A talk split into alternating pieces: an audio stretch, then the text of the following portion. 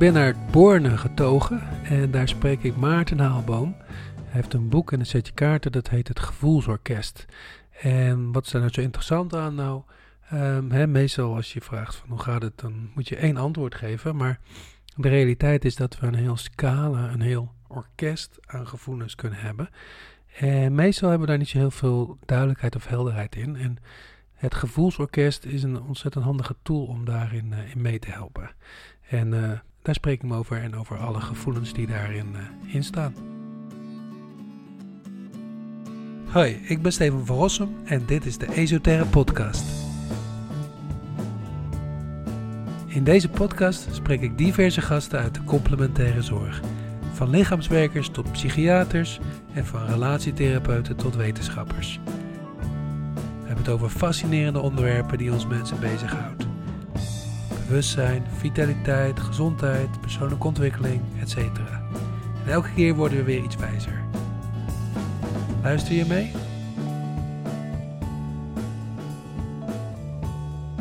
In mijn werk, met name met kinderen aanvankelijk, um, besteedde ik er altijd aandacht aan wat de gevoelsbeleving van dat kind was. En ik heb één voorbeeld wat, uh, wat ik heel tekenend vind, dat een ouderpaar bij mij kwam en zeiden, we hebben zo'n boos kind.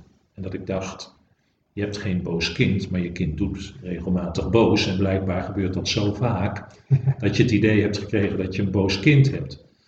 En wat ik dan met kinderen vaak deed, is dat ik zei: Zullen we eens even kijken hoe dat, hoe, hoe dat allemaal voelt? En dan waren er kleine witte kaartjes. En daar tekende een kind dan op of schreef het woord erop. En we zaten dan heel vaak in deze ruimte. En dan kwamen die kaartjes op de grond te liggen, want met kinderen werken vaak op de grond. En uh, ik kan je helemaal niet meer vertellen wanneer het was, maar op een gegeven moment dacht ik: nee, er is geen enkel kind wat maar één kaartje neerlegt als het gaat over wat hij meemaakt, wat hij voelt. Er liggen er altijd meer. Het is net een orkest. Want die kaartjes die wisselden van plek en vanuit mijn muzikale achtergrond die ik ook heb, ik ben ook klanktherapeut, uh, heb, ik die metafoor van dat orkest opgepakt en ben dat gaan gebruiken met kinderen en later ook met volwassenen over die gevoelsbeleving in gesprek te gaan. Ja, precies. Want um, hè, als je, meestal als je iemand vraagt hoe, het gaat, dan is het uh, twee kleuren. Het gaat goed of het gaat kloten. Hè, eh, eh, maar jij zegt van nou, je kan, uh, je kan uh, ja, dus een heel, heel spectrum aan gevoelens ja. en ook ja. af, bij elkaar natuurlijk. Ja.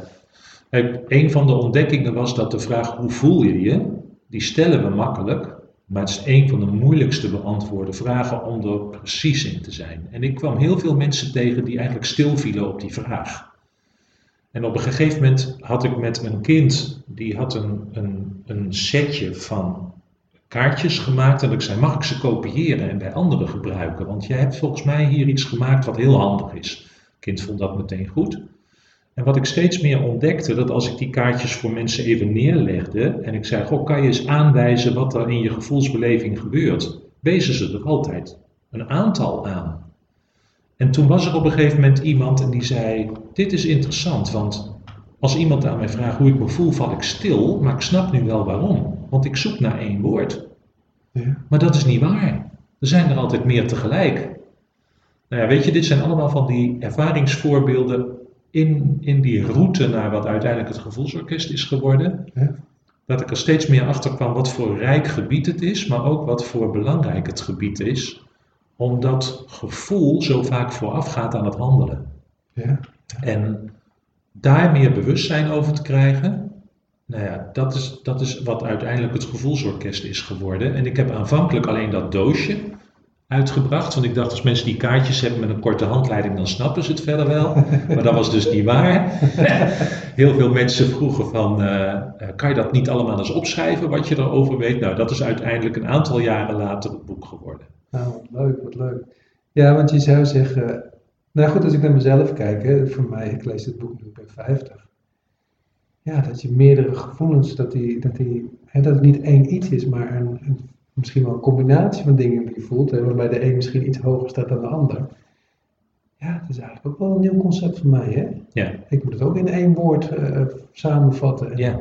Die zijn er ook wel een paar misschien, maar het is, het is toch uh, ingewikkeld. Ja. was dat een betere vraag in plaats van hoe voel je je? Nou, hoe veranderen in wat maakt het dan een stuk concreter en meer gefocust. Dat kan helpen. Ehm, ik, in mijn gesprekken, en, en dat gaat dan wel zowel in het professionele deel, maar in mijn privésituatie pas ik dat natuurlijk ook steeds meer toe. Ehm, is dan even de tijd te nemen en er soms bij te zeggen van, goh joh, het kunnen ook meerdere dingen tegelijk zijn. En dan helpt het soms om het heel zichtbaar te maken. Ik heb ook een foto van dat gevoelsorkest, waar die kaartjes gewoon allemaal tegelijkertijd in je blikveld komen. En dan kan je het even aanwijzen. En ik heb van heel veel mensen die daarmee werken teruggekregen, ja, dat is echt een gouden greep. Om mensen vanaf het begin af aan keuzemogelijkheden te geven, omdat het voor ons brein heel moeilijk is om de woorden te vinden die passen bij wat we meemaken. En dan kan, als je er meerdere kan aanwijzen in al die nuances die daarin zitten, uh, kan dan helpen om te merken van hé, hey, op deze manier kan ik de ander, maar ook mezelf in ieder geval, wat meer geven over het hele spectrum wat actief is. Ja. ja. Dus dat geeft meer rust. Ja. Hoe voel jij je nu? Ik voel me wel wat opgewonden. Ja, er is, wel wat, er is wel wat opwinding. Er is ook veel dankbaarheid, voel ik, over het feit dat ik dat die zoektocht heb gedaan. En um, daar is ook wat onrust, omdat ik bij elke vraag die je stelt merk van hé, welke, welke ingang neem ik? Dan kan twintig deuren nemen hè, om, om op je vraag te reageren. Dus dat is er ook. Ja, ja leuk. Ja. Ja, dat is misschien een mooi voorbeeld hè, voor de luisteraars van hoe je dat kan omschrijven. Ik merk uh, aan de studenten als ik lesgeef dat um, ja, de gevoelswereld, dat dat sowieso een heel uh, arm ontwikkeld gebied is qua, hè, qua over kunnen communiceren. En meestal begint het al met van ja, dat is een gevoel dat kun je niet uitleggen. Hm. Ja, boeiend hè? Daar heb ik altijd al een beetje moeite mee. Hoe ga jij erop uh, op in? Nou ja, um, waar we het net over hadden, die erkenning van dat dat waar is. Als iemand dat zegt. Gewoon, ik kan bijna geen woorden vinden of kan eigenlijk geen woorden vinden om.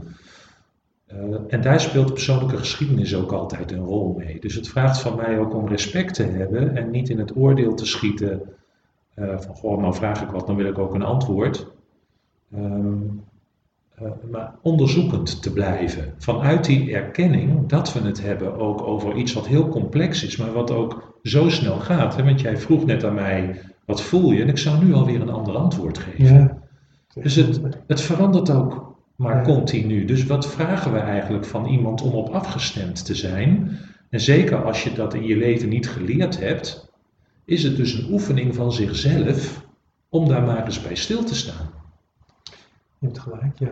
Ik zat een beetje in het oordeel hè, van nou, die, die, een beetje schrale ontwikkeling van hun gevoelswereld, maar ja, zo groeien we natuurlijk ook gewoon op. Ja. Veel van, veel van ons. Ja, en wat ik daar, hecht ik wel aan om te zeggen, wat daarin ook gebeurd is, ook bij mij, is dat we ook opgevoed zijn met het feit dat we het over goed en fout hebben. Over wat dan in de taal positief en negatief wordt. Uh, en daarmee is er een intern programma over je moet je best doen om dat te voelen en je moet je best doen om dat niet te voelen. En dat leidt er al toe dat we met een deel van onze gevoelens en emoties een soort focus hebben van oeh, daar moet ik zijn, daar besteden we onze energie dan aan. Maar net zoveel of misschien nog wel meer energie besteden om ergens bij weg te blijven. Hmm. In dat positief-negatief. Terwijl het gevoelsorkest is een middel geworden om te zeggen, lieve mensen, weet je, leg ze maar eens neer en kijk maar eens naar wat het is. Dat is, dat is wat er allemaal in jou kan plaatsvinden. Tegelijkertijd of één voor één of vooral die en dan dan vooral die. In die fase van je leven is dat meer bezig en in die fase van je leven is dat meer bezig. Maar nou maar eens kijken wat, wat er in dat orkest allemaal plaatsvindt. Ja, en er zijn geen positieve of negatieve uh, gevoelens of emoties. Ja, wat mij betreft niet. Nee. nee. nee Ik kan me wel voorstellen dat als een bepaald gevoel of een bepaalde emotie heel veel en heel veel meer dan de rest speelt, dat je iets hebt van dit klopt niet. Of hier wil ik graag een verandering in. Ja, ja. Of misschien voel ik hier een disbalans of zo. Ja. ja. Nou is mijn vrouw heel goed in, uh, zoals morgen nog, in het uiten van haar. Ja, nou ze kan heel goed boos zijn, zo noem ik dat. Ik kan het heel slecht. Ik heb er ook al allerlei oordelen over. Zij kan het gewoon allemaal eruit schreeuwen, potverdorie. Maar wat ik jou, in jouw boek ook las, en dat blijkbaar moet ik dat dan, ja goed, ik zeg het zo van, hè, ik ben 50, moet ik dat dus nog blijkbaar nog steeds leren, dat ook boosheid heel positief is. Of, nou ja, niet positief, maar ook gewoon een speler in het orkest die zijn plek Mijn heeft. ingangshoek is geworden het feit dat je de, het vermogen hebt om het te voelen, betekent dat er een waarde in zit. En ken je de waarde? Kun je vanuit je perspectief, hè, we ergens even naar kijken, kun je zien wat de waarde van dat vermogen is? Wacht Of- even, zeg het nog eens een keer? Waarom zou je het in je vermogen hebben zitten dat je boos kan worden? Ja, Waarom zit dat in je gereedschapskist? ja omdat het hartstikke handig kan zijn. Blijkbaar. Ja. En waarvoor dan?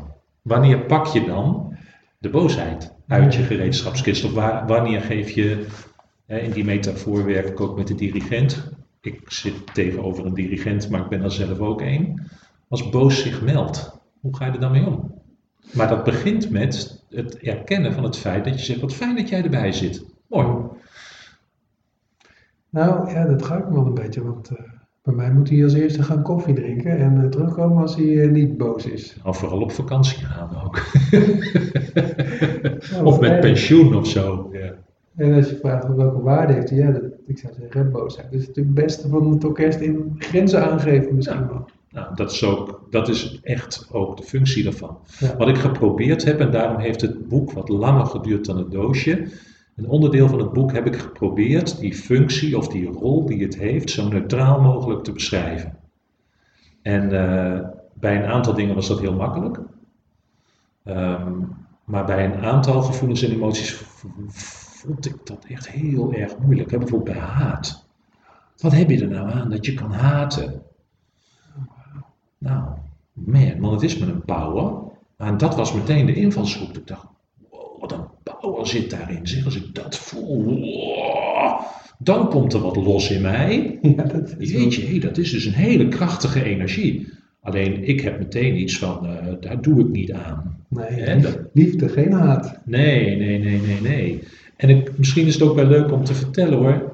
Ehm, als ik in contact kwam met mijn eigen haat, dan zag ik eh, soldaten en eh, oorlogstanks voor me. Hè? Dus de haat had voor mij te maken met zo met vernietiging en met onderdrukking en met macht. Dat meteen niet mocht. Want zo wilde ik niet zijn. Ja, Nou, dat heeft bij mij echt wel lang geduurd om een beetje los te komen van die enorm indrukwekkende beelden die er bij mij en die bij mij bij haat loskwamen. Om een soort distantie te krijgen van hé, maar wacht eens even, er is een verschil tussen wat het is en wat ik erbij heb. ja. Nou ja, maar ook collectief hebben we natuurlijk een, een beetje archetypisch beeld van haat. Ja, dat is. Trump. Ja. En eh, wraak, zo van, van die familievetes, roep dat op. Dat soort van dingen. Terwijl hè, deze, deze podcast, zoals jij me hebt uitgenodigd, gaat ook over complementaire geneeswijze. En ik vind het interessant om daar iets over te zeggen in relatie hiermee. Ja. Is dat oké? Ja, ja. Want een aantal jaren geleden kreeg ik de ziekte van Meniere. En daar schoot ik meteen iets in van jeetje, nou geef ik les in dit soort van dingen en dan word ik zelf zo ziek. Weet je, ik vond mezelf nogal ongeloofwaardig als ik eerlijk was. Ik ben, ben daar echt mee bezig gegaan. Zo wat gebeurt er nou met me?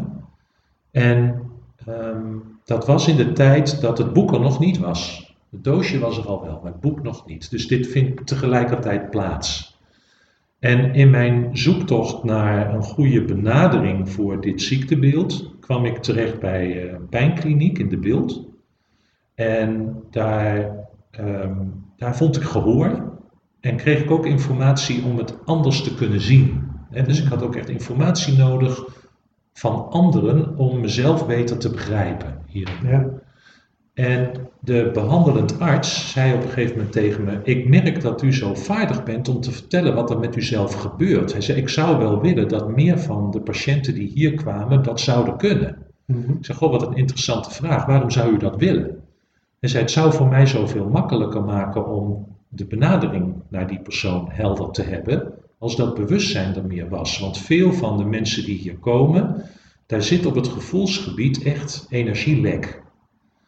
En toen heb ik hem het boek gegeven. En daar was hij heel blij mee. En dat hij zei, dit voegt voor mij echt toe aan wat je kan helpen om in je zoektocht als er een ziektebeeld is en op welk gebied dat dan eh, fysiek, emotioneel, mentaal, spiritueel eh, eh, mee te maken heeft. Hij zei, dit geeft echt informatie voor mensen die dit gedeelte zouden kunnen toevoegen aan hun bewustzijn om de zoektocht in het herstel te voeden.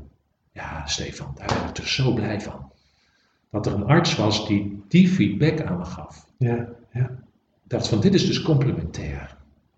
Hier verbindt verbinden zich dingen aan elkaar die elkaar gaan helpen. En zo heb ik het woord complementair altijd Ja, gehoord en gevoeld. Zowel in onderwijs als in de medische wetenschap. Dat ik dacht, in plaats van af te wijzen wat niet jouw stiel is, zou je ook nieuwsgierig kunnen zijn naar welke informatie hebben zij dan dat, dat hier mensen zijn die daar helemaal achter staan. Die dit zeggen, dit is goed. Want dan zit er ook iets goeds in. ja, En wat is dan dat goede? En wil ik me dan aan dat goede verbinden? Of zeg ik, ja, wat voor jou goed is, is voor mij niet goed. En dan even goede vrienden. ja. Maar, maar zo heeft het Gevoelsorkest mij wel met heel veel mensen in contact gebracht die bezig waren met bewustzijnsontwikkeling of met gezondheid of over welzijn of onderwijs. Dan denk ik, hé, hey, we, hebben, we hebben elkaar iets te bieden, we kunnen iets toevoegen aan elkaar. Ja, mooi, mooi. Nou, is er ook nog een verschil tussen een gevoel en een emotie? Ja, Heb jij daar in je boek ook nog eh, gebruik van gemaakt? Eh, Wat oh man, verschil? dit, dit heeft heel veel tijd gekost om hier in het boek iets over te schrijven waarvan ik dacht, dit snijdt hout. Omdat in allerlei literatuur die ik onderzocht heb, eh ja, zoveel spraakverwarring is over gevoel en emotie. Want de een vindt dat het dit is en de ander vindt dat het dat is. En toen ik in een fase kwam van het boek dat ik merkte dat ik geen nieuwe informatie er meer over vond, dat alle bronnen een herhaling werden, toen ben ik maar eens gaan schrijven daarover. En ehm, heb ik gebruik gemaakt van het gegeven dat er al vanuit de tijd van eh, Spinoza, Descartes, een zoektocht is om te zeggen er zijn basisemoties en er zijn een heleboel interpretaties ervan.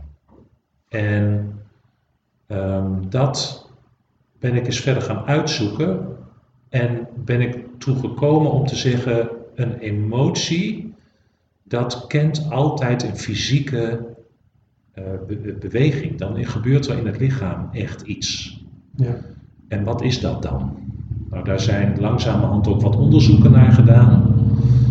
Maar de keuze die je dan vervolgens maakt voor de woorden, wat zijn dan emoties en waar zit de interpretatie, daar eh, is nog geen eensluidend idee over in de wereld. nee. Dat is verschillend, want de een zegt er zijn er vier. In het Nederlands taalgebruik hebben we het dan heel vaak over de vier B's. Ja, Alsof dat dan hè, bang, blij, boos en bedroefd. En bedroefd is dan weer, om er een beetje van te maken, de vertaling vanuit verdriet. Maar dan klinkt het zo lekker, de vier B's. Maar er zijn ook systemen die hebben het over zeven, over acht. Ehm, en op een gegeven moment dacht ik, oké, maar misschien is het niet zo interessant om in de discussie te blijven hangen, maar wel om vast te stellen, bij een emotie is er echt meetbaar veel activiteit in het hele lichaam. Ja. En ik denk dat de wetenschap eh, de komende jaren echt nog veel meer informatie zal geven over wat dan precies. Ehm, maar bij angst is het heel duidelijk. Hè? En bij verdriet eh, is het ook heel duidelijk. Dus er zijn er een aantal, en daar maken die 4B's onderdeel van uit, waarbij je kan zeggen, nou, dan gebeurt er een boel. Maar ik ben een erg grote fan van verwondering. Eh, en als ik in verwondering ben, nou, dan gebeurt er waanzinnig veel in mijn lijf. Dus verwondering is voor mij een emotie. Ja, oh, ja, natuurlijk. Hè? En, eh, want dat kan ik fysiek, nou, alleen al in temperatuur, maar ook in, de, in mijn spieren die bij verwondering, dan gaan mijn ogen op steeltjes en dan oh, oh, oh, dat. Ja. Ah, joh, dan, dan gebeurt er zoveel in het lichaam. Dan denk ik, oké, dan is dat een emotie. Ja, nou, nou ja, ik zie je zit tegenover mij. Ik zie je gaat rechtop zitten, je handen gaan naar buiten. er is niet alleen een, eh, eh, een beweging, maar er is ook nog. ehm, nou ja, je ziet gewoon van alles gebeuren. En, hè, maar er gebeuren ook dingen die je, die je niet laat zien. In de zin van. Hè, als je echt je hele gevoel zou volgen, dan zou verwondering misschien gaan staan en met de armen gaan wuiven of zo. Hè? Klopt. Normaal gesproken doe je dat niet, maar die, die beweging is er wel inderdaad. Ja. Wel leuk. Ja. leuk. Ja, nou ja, ik denk, hoe gives a fuck of het nou een, bewe- of een emotie of een gevoel is, dat maakt misschien niet eens uit, hè? Nee, het, het is alleen wel zo dat ehm, hè, eh, in het gevoelsorkest zit ook het woord alleen. Nou, en dat roept bij de een vreugde op en bij de andere een soort van angst of verdriet. En dan zeg ik van nou, dan is alleen dus wel heel duidelijk een gevoel, maar dan is het zo verbonden aan een onderliggende emotie die in welke mate dan ook eh, meedoet. Ja, Zeg maar. Er, er zijn ook richtingen die hebben het over primaire en secundaire ja, emoties. En die zeggen dan de primaire, die, eh, die, dat zijn die, en de secundaire komen eruit voort. Nou, zo kun je ernaar kijken. ja, Weet je, tegelijkertijd gaat het er denk ik vooral om dat als je in je ontwikkeling ziet dat bepaalde gevoelens of emoties heel veel meedoen, want als ze heel sterk onderdrukt worden, doen ze ook veel mee, wat jij over je eigen boosheid zegt. Ja. Eh, dan kan het zijn dat de moeite waard is om daar dan eens wat onderzoek naar te doen, ja, zodat dat lid van het orkest een meer geëigende plek krijgt. ja, Nou, dat, dat hoeft niet, maar dat kan helpen in je ontwikkeling. ja, leuk. Hey, in je boek heb je het ook over de, ik weet even niet, een Finse onderzoeker hè, die, die Ja. mooie filmpjes heeft van eh, verschillende gevoelens of emoties. Hoe zich dat uit in een eh, lichaam als je het onder een, eh, wat is het, een scan houdt, een warmtescan? Of? Ja, ze hebben eh, lichaamscans gemaakt. In de zin van dat ze mensen uit drie verschillende culturen, Fins, Zweeds en Taiwanees, eh, in situaties hebben gebracht door verhalen, door films, door muziek, om een, bepaald, een bepaalde emotie op te wekken. En die mensen dan gevraagd om eh, bewust te zijn van wat gebeurt er in je lichaam en daar rapport over te maken enzovoort. Zodat ze konden zien eh, wat gebeurt er in het lichaam. En dan is temperatuur in dit onderzoek een heel belangrijk gegeven. Hè, terwijl je spierspanning is natuurlijk, zou natuurlijk ook heel mooi Ja. zijn om te meten. Maar dit is temperatuur geworden.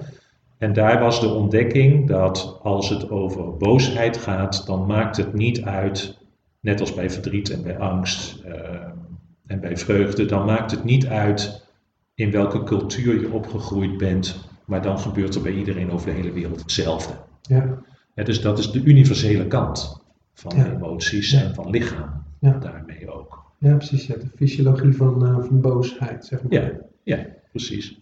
Maar daar komt er eigenlijk op neer dat ehm, alle emoties eigenlijk alleen maar betekenen bepaalde lichaamsgebieden worden warm of koud.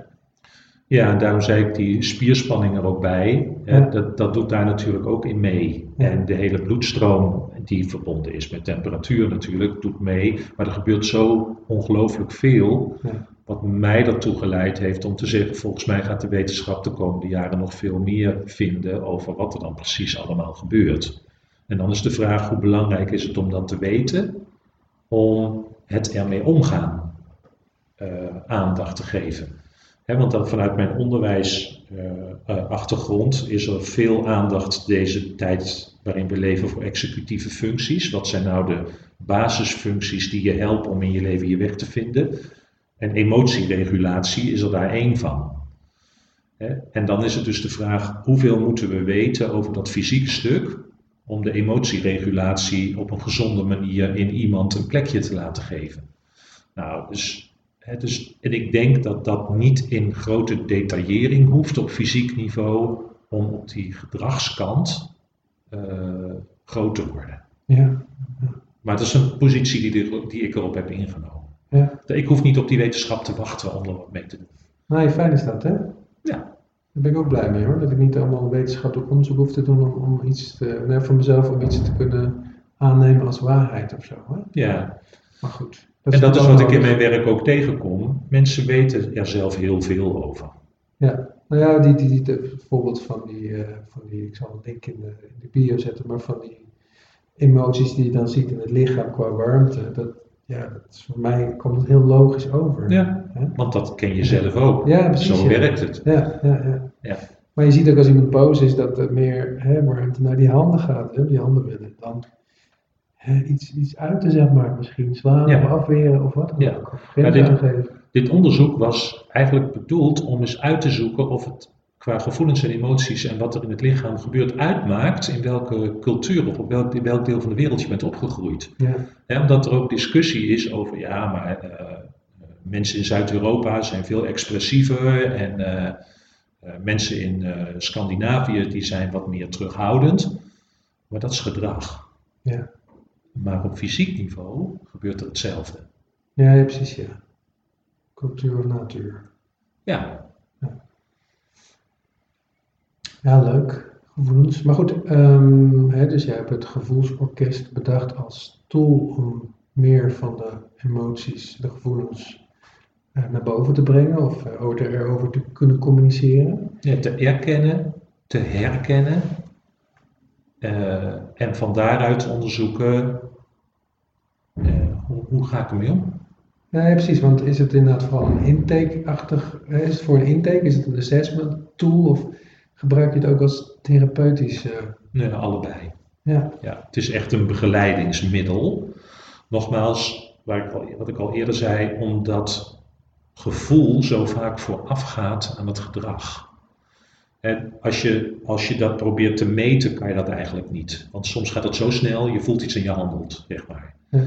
Alleen het gevoelsorkest kan heel erg helpen. Doordat je er dan naar kijkt, neem je toch iets van afstand. Want je zit er niet in, maar je onderzoekt het. Terwijl je levenservaring meedoet in de manier waarop je er naar kijkt en hoe je het onderzoekt. En dat geeft dan aanleiding om helderder te worden over, hé, hey, zo werkt het. En vervolgens dan wil ik er ook iets mee. En waarbij hè, dat thema over boosheid, waar we het een paar keer al over he- gehad hebben in dit gesprek, ik heb gemerkt dat alleen al jezelf eens een tijdje meenemen in de erkenning van hé, hey, ik voel hier iets wat mij uitnodigt om mijn grenzen aan te geven.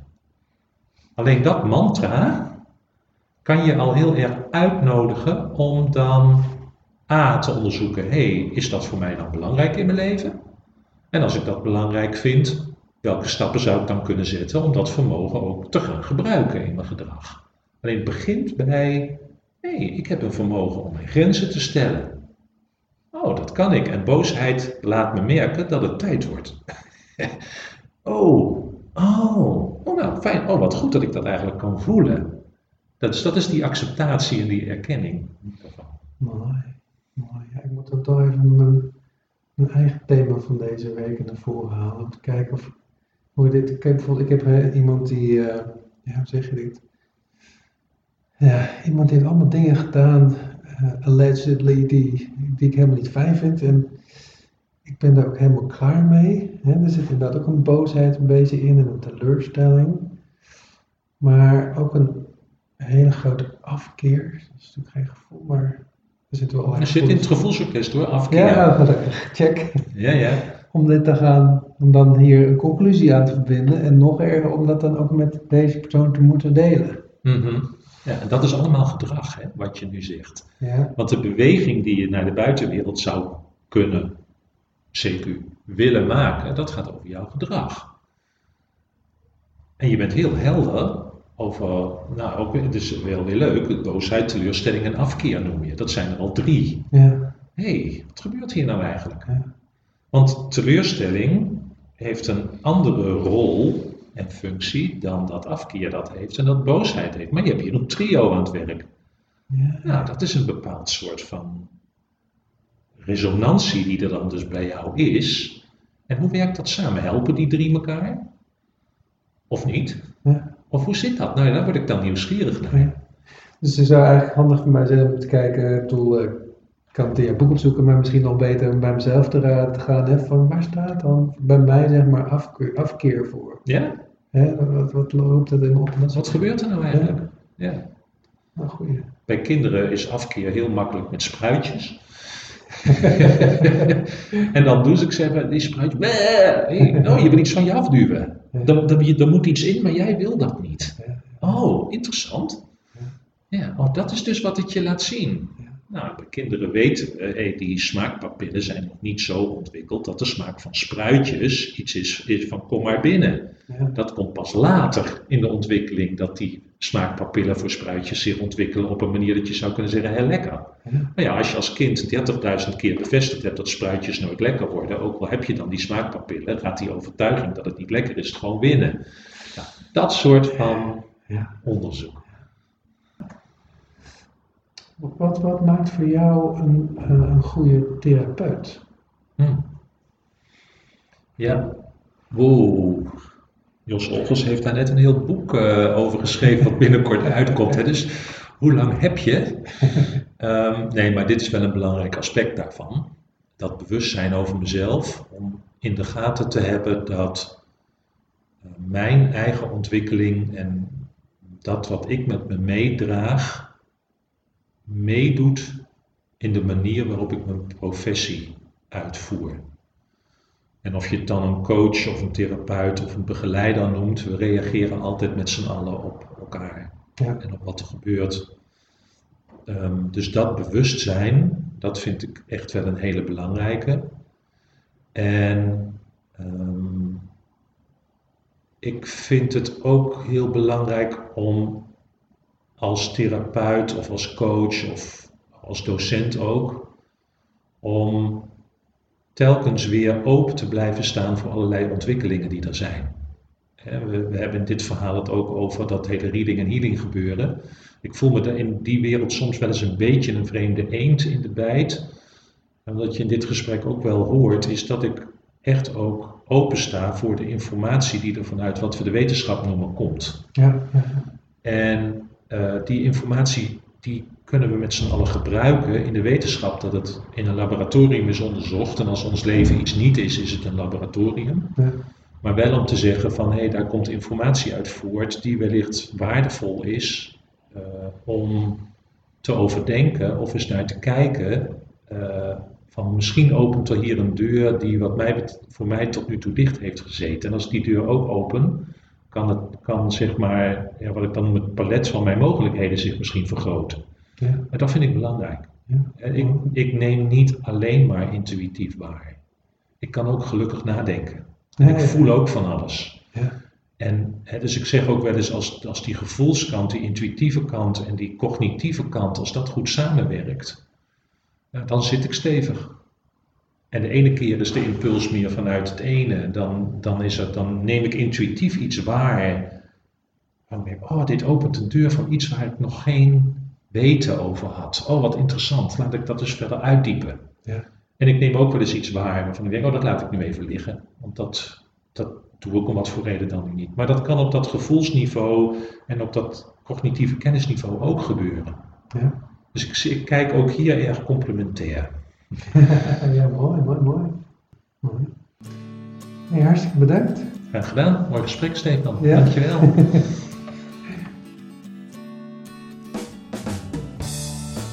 Deze podcast is gemaakt door interviews Stefan van Rossum, redactie Esmee Donker en Maurice de Gruiter. Muziek is van Stefan Alexander. Heb je interessante gasten of onderwerpen? Laat het ons weten. Vind je de podcast leuk? Vertel het aan andere mensen. En volg ons op Soundcloud, Spotify of iTunes. Bedankt voor het luisteren en tot de volgende keer.